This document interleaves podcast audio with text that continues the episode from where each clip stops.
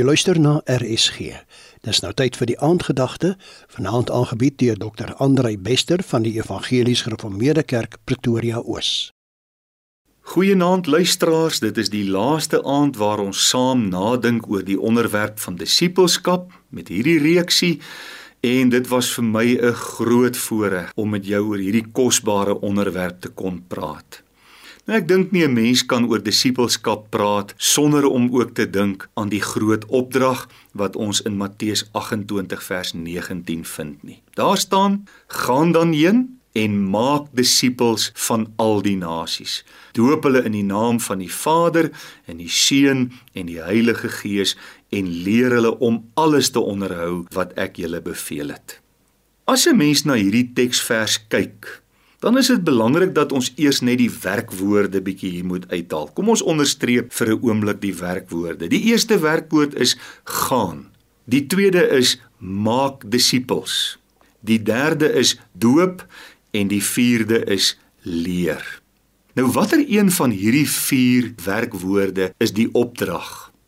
En as jy na die Grieks gaan kyk, is dit baie duidelik die imperatief of die opdrag is maak disippels matheteo gaan doop en leer is al drie partisipiums wat eintlik dan die hoofwerkwoord die opdrag verder of nader omskryf. Nou die veronderstelling is dat alle disippels van Jesus elke dag iewers heen sal gaan. Of ons nou gaan kuier of ons gaan werk of ons dorp toe gaan of ons op reis gaan Ons is heeltyd besig om te gaan en nuwe mense te ontmoet. En dan moet dit die ingesteldheid van ons harte wees om ook hierdie mense aan Jesus voor te stel sodat hulle sy roepstem kan hoor en hom kan volg. Die dopende en lerende is ook partisipiums wat sê dit is hoe ons disippels moet maak. Nou in vers 18 is daar 'n heerlike versekering Daar sê Jesus aan my is gegee alle mag in die hemel en op aarde. En in vers 20 is daar 'n wonderlike belofte wat sê en kyk ek is met julle al die dae tot aan die volëinding van die wêreld. Amen.